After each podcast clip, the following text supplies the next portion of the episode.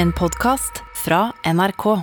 De nyeste episodene hører du først i appen NRK Radio.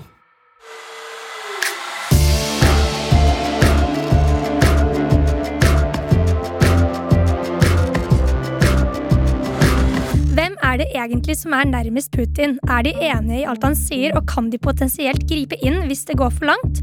To norske gutter deltar også i krigen i Ukraina på nettet ved å angripe russiske og hviterussiske nettsider. Jeg heter Fanny Odden. Og jeg heter Rima Iraki. Ja, da er vi jo eh, Det er bare oss to i studio i dag, Rima, for Ole har fått korona. Eh, Han har jo sagt i lang tid nå at eh, han ikke har fått at han er klart å unngå hele greia. Men nå i slutten av pandemien så har det rykket, for han har jinxa seg sjæl, rett og slett. Og det er jo veldig mange som sier det at å, jeg har kommet meg, jeg har kommet meg gjennom pandemien, Ja. jeg har ikke fått korona, ha-ha, dere andre er losers. Ja. Eh, Men eh, det viruset kommer og tar deg før eller siden. Du curser deg selv hvis du sitter sånn, så holder du på sånn fortsatt. Eh, ikke gjør det. Eh, så det kommer jo da til å være meg og Rima som eh, loser dere lyttere gjennom episoden i dag. Og det er ikke bare bare. Det blir bra. ja, vi skal prøve så godt vi kan. Eh, og så er det jo slik at vi vanligvis går gjennom tre saker, ikke sant. Vi har én hver. Nå er jo ikke Ole her, så i dag blir det bare to saker. Og det er ikke bare bare, det heller? Nei da, ikke bare bare. Det, for det er to veldig spennende saker. Vi kan jo egentlig gå gjennom de sakene nå. Bortsett fra камин у вас нет. Это камин, да. Между прочим, между, между прочим, он греет. Зря вы смеетесь. Он греет, посмотрите. Ja, dette var lyden av eh, Vladimir Putin sammen med sin eh, aller nærmeste på eh, guttetur, faktisk. Eh, De var på telttur, og der var det veldig god stemning. Vi skal ikke snakke om den turen, men det vi skal snakke om er vennene til eh, Putin, de han er eh, mye sammen med, og hva vet vi egentlig om familien hans? Ja. Og i tillegg så skal vi snakke om To gutter, eh, to norske studenter, som hacker eh, Russland og egentlig i krig litt for Ukraina, da. Og som alltid så avslutter jo vi med en nyhetsquiz eh, i episoden vår. Eh, nå er jo Ole borte, men da er det altså produsent Trude som skal stille spørsmål til deg og meg, Rima. Yay, Trude! Ja. Det er litt koselig at Trude er litt med, syns jeg. Eh, og så er jeg også veldig spent på det du skal snakke om, Rima. Fordi jeg har veldig lite Altså, jeg har ikke tenkt på, på en måte, hvem som er venner til Putin, så jeg tenker at vi bare kjører på, jeg.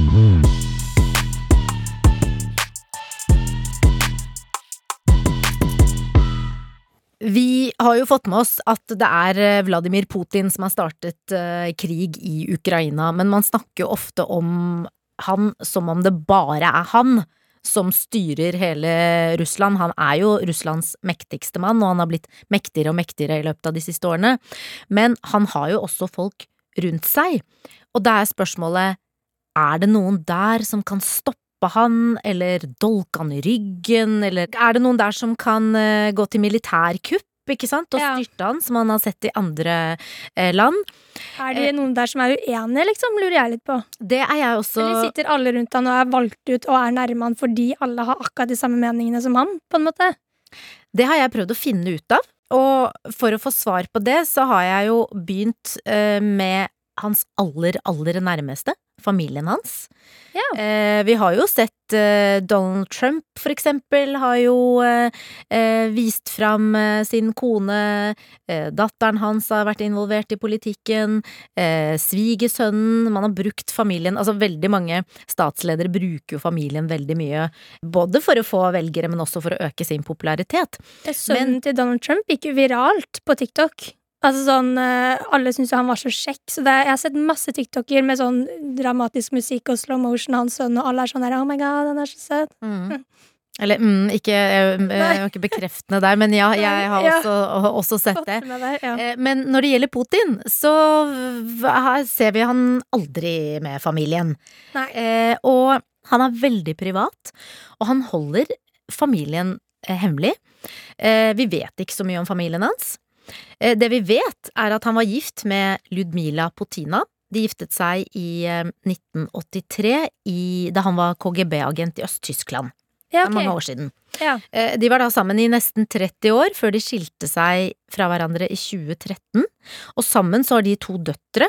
Jekaterina og Maria heter de, og i dag så er de 35 og 36 år gamle. Å ja, herregud. Jeg visste ikke at han hadde barn, jeg. Nei, nettopp! Har og ikke det er fordi at han har barn. Men det er fordi at vi aldri ser han med barna, Nei. eller uh, en partner, eller en uh, ekskone. Og da Putin ble president i 1999, så ble han jo ekstra opptatt av å skjerme privatlivet sitt. Eh, familien ble som oftest holdt utenfor offentligheten. Men så fikk vi noen glimt av dem eh, iblant. Det fins bilder for eksempel fra 2007. Da er eh, far Putin og datter Maria på vei inn til stemmelokalene i Moskva under, den, under det russiske parlamentsvalget. Da skal de stemme. Ja, ok. Eh, Men det er på en måte ett av veldig få bilder vi har av dem sammen. Og da døtrene begynte på universitetet, så skal de ikke ha brukt farens etternavn, de skal ha brukt noen andre etternavn. Ja, Om det da sånn- skyldes eh, Altså hva det skyldes, det vet man jo egentlig ikke, men eh, det man tror er at de ikke ønsker å bli identifisert som Putins døtre. Ja, for de er såpass ukjente at det går, de kan faktisk dra på skole bare med et annet navn, og så er det ingen som vet at det er døtrene hans. Altså, veldig mange vet det jo, men, men, men de har på en måte prøvd å skjule det Ja. så godt det kan uh, gjøres. Eh, Og selv om de har holdt en lav profil, så dukket plutselig den yngste datteren hans opp på russisk TV i 2018. Eh, Da het hun Jekaterina Tikhonova, het denne kvinnen, som veldig mange mener er datteren til til Putin, og hun snakket da, hun er forsker da, hun snakket da om sitt arbeid med matematisk forskning av komplekse systemer ved universitetet i Moskva. Ja. Eh, Det, det høres jo veldig komplisert ut, så jeg skal ikke gå inn på hva dette her er for noe, men hun er altså forsker, og hun snakket om dette på TV som ekspert. Og, og så viste det seg at hun har deltatt, eller vært med på en del dansekonkurranser. Eh, Hun har vært med i blant annet i verdensmesterskapet i akrobatisk rock'n'roll. Er det så? Forsker og akrobat rock'n'roll. Ja, så hun har flere sider. Eh, Ja. Og dette var i 2014. Og så hun eldstedatteren, hun driver også med forskning. Maria Vorontsova Ja. er hennes etternavn. Hun er genforsker og har også snakket om sin forskning både på TV og på eh, vært med på konferanser Ja, som fagperson. Eh, og Putin har jo aldri villet svare direkte på om han er faren til disse to kvinnene. Han blir jo oh ja, han har fra tid til annen spurt om det, men han vil ikke bekrefte det. Eh, Men det er ikke det at han ikke har anerkjent dem som barna sine, han bare vil holde de ut av lyset, på en måte? ja, han vil ikke at uh, offentligheten skal få vite noe om familien hans, fordi han liker å holde det privat. Ja. Og da han igjen fikk spørsmålet under en pressekonferanse i 2015, så svarte han at døtrene de bor og studerer i Russland, og de snakker flere språk, men mer fikk vi ikke vite enn det, og han har sagt 'jeg diskuterer aldri familien min med andre'. Det har han sagt. Okay.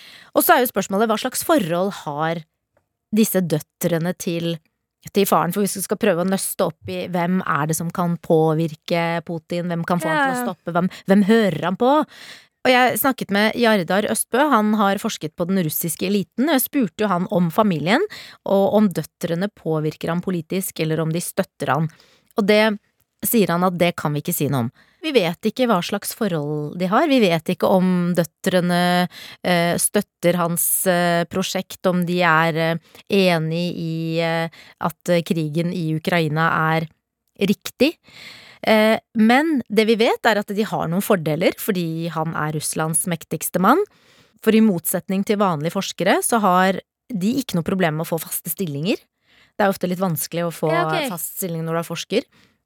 Og, og de får også, og, og særlig det å få penger til sin forskning er, kan være vanskelig også her i Norge, men det har de ikke noe problem med. De får kanskje litt penger av han nå, da, eller? Eh, Det Det veit man ikke. Det ekspertene mener, er at eh, han eh, At de sannsynligvis får penger av han, men også han har jo veldig mange mektige venner som er rike. ja, som og de med, som eier selskaper, og som kan sponse forskningen. Ja. Eh, så siden de er døtrene til Russlands mektigste mann, så er ting veldig lett for dem. Ja, men det skjønner jeg. Det er kjipt å være den kompisen som sier nei til å hjelpe datteren til presidenten. Ja, jeg, jeg ser den. Han, er han forresten gift? Har han en kone, eller er han singel? Eh, Det vi vet, er at han ikke har en offisiell eh, partner, eh, men, men også er det jo rykter her og der. Eh, Ja, det Eh, finnes kanskje en men men, men det, det kan vi ikke slå fast eller bekrefte. Nei, Ikke sant. Skjønner. Men det vi vet, er at Putin selvsagt har folk rundt seg som han får politiske råd fra. Spørsmålet er hvor mye makt de har til å påvirke Putin, eller om de kan Ja. Omvende han, hvis man eh, Kan si det. Kan si det. Uh, og ifølge Russland-ekspert Ben Noble fra uh, University College i London, så har Putin uh, det han ser på som fem Altså, han, han nevner de fem viktigste rådgiverne til Putin. Jeg skal ikke gå gjennom alle de nå, Nei. men dette er altså eh, forsvarsministeren, forsvarssjefen, leder for sikkerhets- og etterretningstjenesten, lederen for den utenlandske etterretningstjenesten. Og så er det den femte som ekspertene mener er den Putin hører aller mest på Oh ja, eh, av disse fem. Det er en stor rolle å ha, da. Det er en veldig stor rolle å ha, og han heter Nikolai Patrusjev. Han er leder for Russlands sikkerhetsråd, og han beskrives som den mest haukete hauken. Eh, Den, okay. Altså den mest krigshissige, den som er eh, Ja. mest eh, gira på krig. Og felles for alle disse mm, fem er at de er omtrent på samme alder, de kommer fra samme sted i Russland, fra St. Petersburg, og de deler samme syn som Putin på at man ønsker et Stor-Russland, at Vesten er ute etter å ta Russland, men Patrusjev er den som mener dette sterkest. Og han mener at ved å gå inn i Ukraina, som Russland nå har gjort, så kan man klare å stoppe Vestens forsøk på å kneble Russland, da, som det, det er jo det de mener, ikke sant? Ja, det det de så de mener at ved å gjøre det her, så kan vi eh, fortelle Vesten hvor skapet skal stå. At det er vi som har kontroll. Ja, okay. Ikke kødd med oss. Så de fem er eh, De fem har, de deler det samme synet, egentlig? De de deler det de samme synet. Ja. Ja. Og eksperten eh, som, eh, som vi har snakket med, han mener at eh, Putin har begynt å høres mer og mer ut som Patrosjev, Patrusjev, at, og at det er skummelt. Ja. Eh, fordi at eh, han blir liksom mer og mer krigshissig, han også. Og så er jo spørsmålet hvor lojale er disse rådgiverne? Eh, og eh, Jardar Østbø, som vi har snakket med, han mener at de er veldig lojale, og Putin har jo vært veldig opptatt av å bare eh, ha folk rundt seg som er lojale. Han er ekstremt opptatt av det. Så da, og i og med at de alle tenker på samme måte, har alle samme politiske prosjekt, så er sannsynligheten for at eh, en av dem skal dolke han i ryggen, eller at de skal prøve å overtale han til å stoppe denne krigen, den er veldig, veldig liten. Ja. Så er jo spørsmålet hva skal stoppe Putin da? Og akkurat nå så er det jo ganske vanskelig å se at det fins noe svar på det. Ja. Eh, Vesten har jo innført eh, sanksjoner mot eh, Russland, både mot eh, banker, mot eh, privatpersoner, altså disse rike oligarkene som man snakker om, altså Putin-vennene som har veldig mye penger og makt i Russland. Eh, og veldig mange bedrifter har trukket seg ut av Russland, som McDonald's og Coca-Cola for eksempel. ja, man kan jo ikke Netflix har jo trukket sin tjeneste ut av Russland, så det er jo på en måte også en sanksjon. Ja, så folk kan verken eh, kjøpe mat på Mækkern, drikke cola eller se på Netflix. Nei. Eh, og for mange er jo det veldig viktig. Ja. Eh, men fra spøk til alvor, så, så, så det, Og dette her kommer jo til å ramme den russiske økonomien veldig hardt. Eh, og det har jo allerede begynt å gå utover folks lommebok i Russland. Altså vanlige folk. Eh, de som eh, ikke nødvendigvis eh, støtter Putin i denne krigen, eller som har så mye penger eller makt. De blir også rammet av dette. Og det noen eksperter mener, er at det, det som kan skje, er at eh, situasjonen for vanlige folk blir så vanskelig Ja. at de da eh, snur seg eh, mot Putin og gjør opprør. Men foreløpig så er jo det også veldig, veldig vanskelig, fordi at Putin har jo gjort det veldig vanskelig for folk å si han imot. Pressefriheten er jo Det finnes jo nesten ikke noe pressefrihet Nei. lenger i Russland. Man har jo innført en ny, lov hvor det å formidle eh, falske nyheter kan bli straffet med 15 års fengsel. Og det er liksom hva er falske nyheter, hvem skal definere hva det er? Ja. Så veldig mange journalister har jo trukket seg ut av Russland nå. Så situasjonen er jo veldig vanskelig for folk eh, på bakken, altså frihetsmessig, da. Eh, Ja. Og når det da begynner å bli eh, dyrere for folk og vanskeligere for folk å leve, så, så um, blir det interessant å se hvordan dette blir fremover. Men foreløpig så ser det ikke ut som om noen kan stoppe Putin.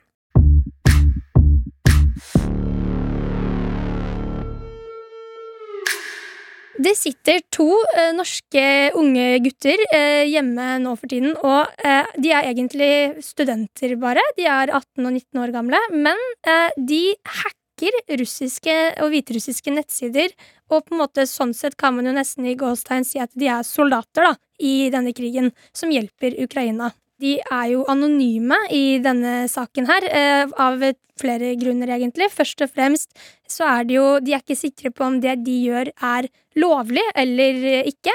Og også fordi at de ikke ønsker å bli et mål for f.eks. russiske hackere tilbake, da. Eh, Så derfor har de fått falske navn, eh, og vi kan kalle dem for Sigurd, som er 19 år gammel, og Henrik, som er 18. Eh, Og for å bare forstå litt sånn Ok, ja, de kriger på nettet eh, mot Russland, men hva er det egentlig det innebærer? Hva betyr det? Eh, så er bakgrunnen for hele greia her at 26. februar så skrev Mikhailo Fedorov, som er Ukrainas digitalminister, på Twitter dette her. Vi oppretter en IT her, vi trenger digitale talenter, vi fortsetter å kjempe på cyberfronten. Eh, Og dette ble skrevet kun noen dager etter at Russland gikk til krig mot Ukraina. Så Ukraina har på en måte invitert folk til å være med på dette? Ja, eh, Fedorov har jo samlet en IT-hær, eh, som man kan kalle det, i en gruppe på et meldingssystem som heter Telegram. Og man kan egentlig se på det litt som en kanal, da, og denne kanalen har akkurat nå rundt 300 000 medlemmer.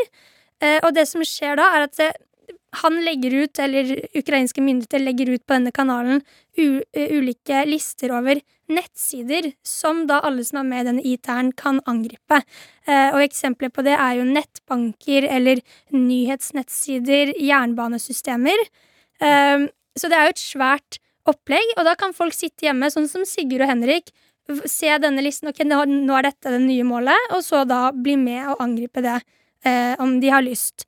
Eh, og det de forteller, er jo at det er kun eieren av kanalen som kan sende ut disse meldingene til resten av hæren. Så er altså de er sikre på at det er ukrainske myndigheter som faktisk eh, oppmuntrer til disse angrepene. For det er jo en ganske svær greie hvis det hadde falt i feil hender, på en måte. Ja, for det jeg tenker på er at uh, selv om det er uh, ukrainske myndigheter som sender ut disse listene, og man tenker at det er trygt, så må man jo også huske på at uh, i en krig så er det jo også en kamp om sannheten, og det foregår jo Det er jo propaganda nå fra begge sider. Ja.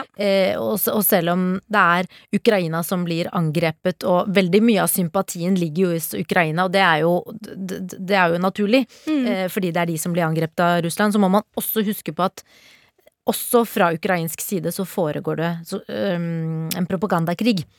Ja, absolutt. Det er helt uh, riktig. Uh, så det er jo noe man må huske på. Uh, og um, denne typen angrep på nettsider som dette, det kalles for tjenestenektangrep. Det betyr rett og slett at de som angriper, kjører dataprogrammer i bakgrunnen på PC-ene sine, som da oversvømmer de utvalgte nettsidene som skal angripes med datatrafikk. Så målet er å gjøre de utilgjengelige. eh, Og eh, Sigurd, som i artikkelen, forklarer det egentlig ganske lett. Han sier det som at Se for deg at det er en butikk du skal til, og for å komme til butikken må du gå på en sti. Og hvis det er mange folk på den stien, så blir det jo på en måte kø, det tar deg lengre tid å komme fram. Så det de gjør, er at de sender mange folk, da, i gåsetegn, ut på den stien, som gjør da at de som opprinnelig har lyst til å komme seg inn på nettsiden, ikke kommer fram, da, fordi det er for lang kø.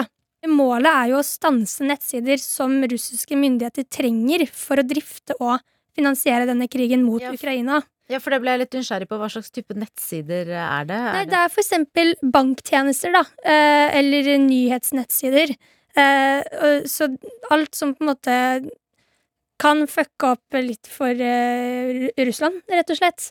Så slike oversvømmelser av nettsider er et eksempel på noen av de oppgavene som legges ut på denne Telegram-kanalen, og det er jo da dette Sigurd og Henrik driver med, da, når de ikke studerer på dagen.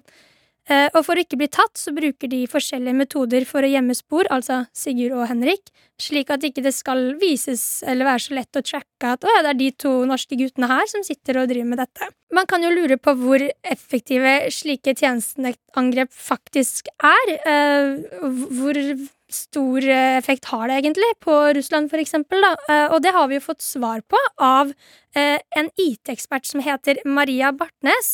Eh, Hun er også da forskningssjef ved en Sintef og førsteamanuensis ved NTNU. Eh, Og det hun sier, er jo at dette er veldig varierende.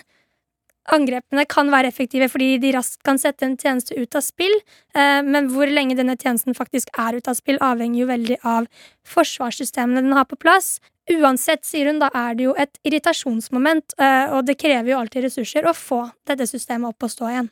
Det her går jo selvfølgelig også ut over sivile, som eksempel kanskje ikke kommer seg inn på banktjenesten sin, da, eller nettsider. Eh, Og Henrik sier jo det at han tenker over det før han deltar i slike eh, cyberangrep.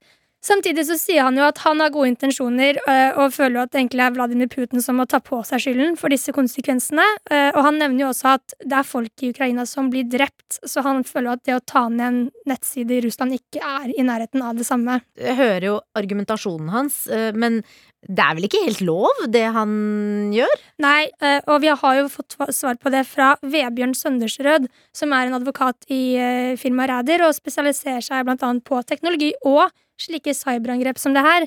Og han er jo ikke i tvil om at det her er åpenbart ikke greit. Eh, Det er ikke lov at privatpersoner utfører sin, sin, slike mm, tjenestenektangrep. Eh, Det han sier er at hvis Norge hadde hatt en direkte part i krigen, vi var med i krigen, så hadde det kanskje vært en annen situasjon, men siden vi ikke er det, så har ikke privatpersoner lov til å gjøre dette her.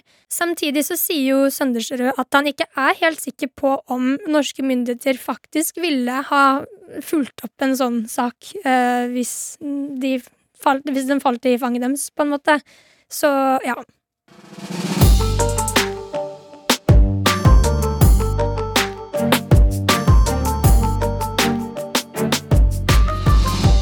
Da er det jo som alltid tid for quiz. Eh, og jeg føler vi kan jo bare nevne kjapt at grunnen til at vi har denne nyhetsquizen, er jo fordi at det skjer jo mye annet i nyhetsbildet som vi ikke får pratet om i hver episode. Så det her blir jo litt en sånn en liten oppsummering av andre nyhetssaker også. Eh, og så er det jo egentlig Ole som skal ha quizen i dag, men siden han ikke er her, så er det Trude produsent som skal stille oss spørsmål, Rima. Trude redder oss alltid. Ja. Ja, og Ole han, han ligger jo i bunnen på denne quizen nå. Han ligger ganske langt bak dere andre to, så han har rett og slett bedt meg om å lage en dritvanskelig quiz, sånn at det blir litt jevnere i bånn. Er det sant? Nei da. Kan Han har Ok. Nei, men um, vi har jo hatt den, hatt den quizen gående en stund. Ja. Uh, og stillingen, uh, hvis dere vil høre den, den er jo som følger. Vi vet jo at Ole er på bunn. Det vet vi. Uh, Fanny, du har minus 27,5. Ja. Rima, du har minus eh, 28. Tenk at Fanny er eh, er, er leder over meg, ja. Tenk at hun leder med minus 27. Ja, det er helt Og en halv. Det er trist. Eh, og så har vi Ole eh, minus 70. Ja, Ikke sant? Som alltid så er jo reglene her ganske enkle. Hvis man får riktig svar på et spørsmål, så får du ett plusspoeng. Hvis du sier ordene ja eller nei, så er det et minuspoeng. Det er jo ofte der det går galt. Det er ofte der det går galt. Men da setter vi i gang nå. Så hvis dere har, kan svaret, så må dere si navnet deres Ja, vi må rope navnet vårt, ja. for å svare. Og der sa du et ord som du ikke skulle si. Ja! Det gjorde jeg. Det hørte jeg ikke. Første spørsmål.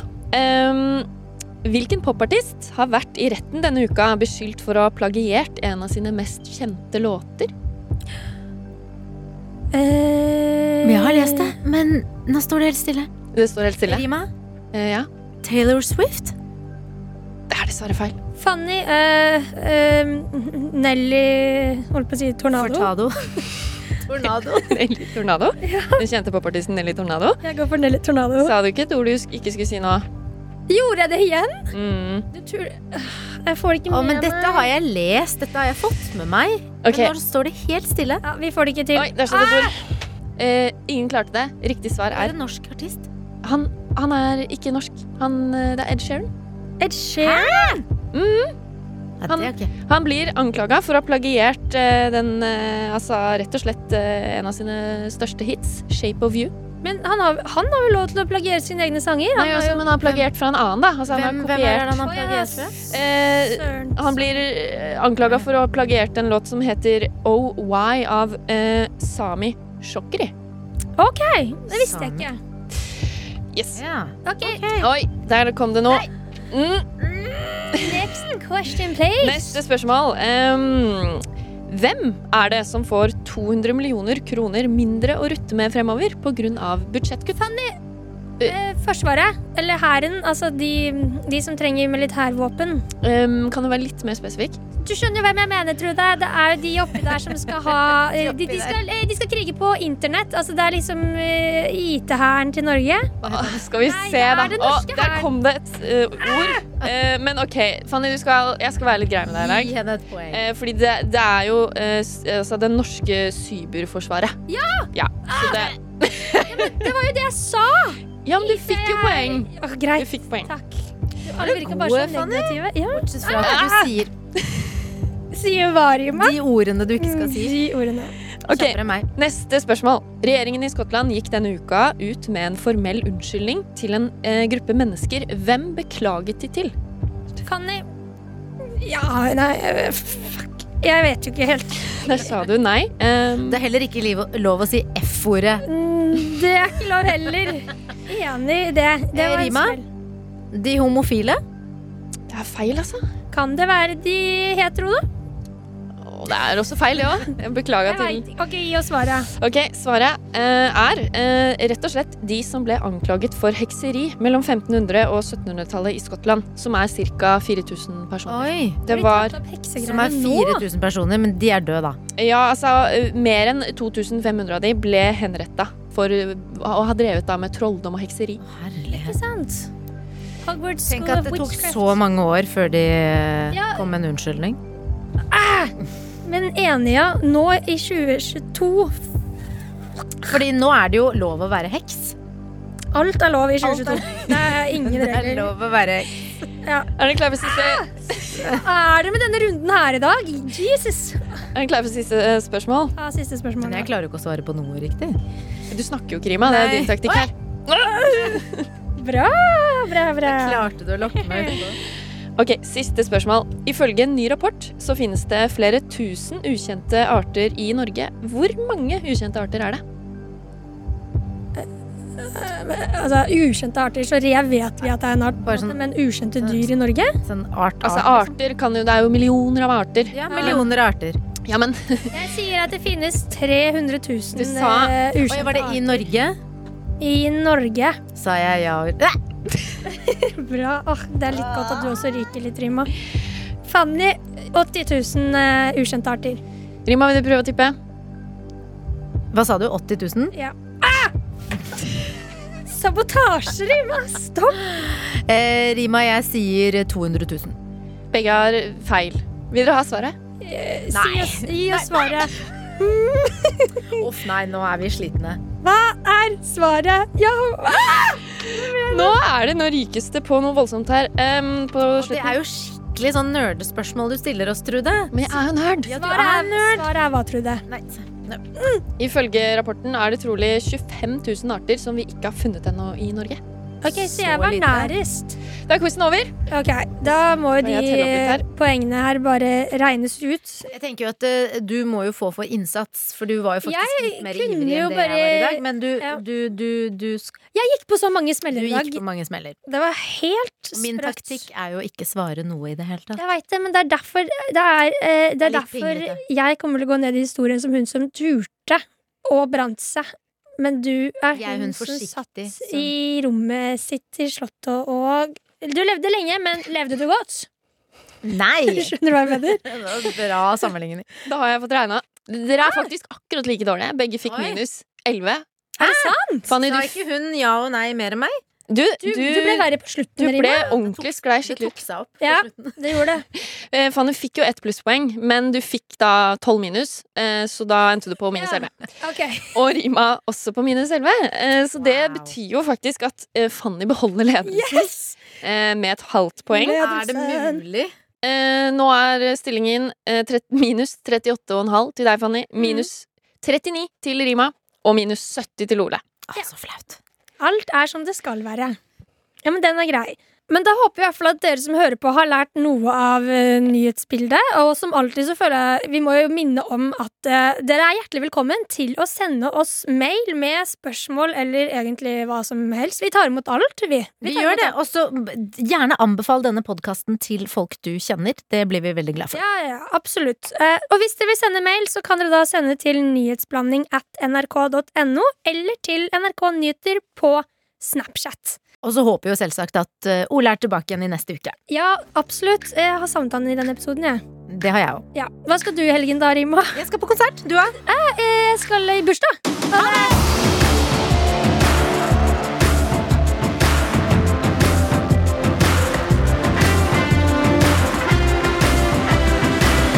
Du har hørt på Nyhetsblanding. Produsent er Trude Furuli, og ansvarlig redaktør er Espen Olsen Langfelt. Du har hørt en podkast fra NRK. De nyeste episodene og alle radiokanalene hører du først i appen NRK Radio. Hva har skjedd i løpet av natta? I appen NRK Radio samler vi alt du trenger for å forstå Ukraina-konflikten. Jeg syns det var nok fra før, og så kom det bare enda mer oppå der. På et busstopp i Ukraina klamrer en far seg til den lille datteren sin. Hver dag skjer det ting som påvirker oss. Vi stiller spørsmålene og forsøker å forstå. Vi må tilbake til de gamle grekerne for å forstå begrepet oligark. Hvorfor det? Det er heftige greier. Last ned appen NRK Radio og finn ut hva som ligger bak alle overskriftene fra Ukraina. NRK Radio. Vi hører sammen.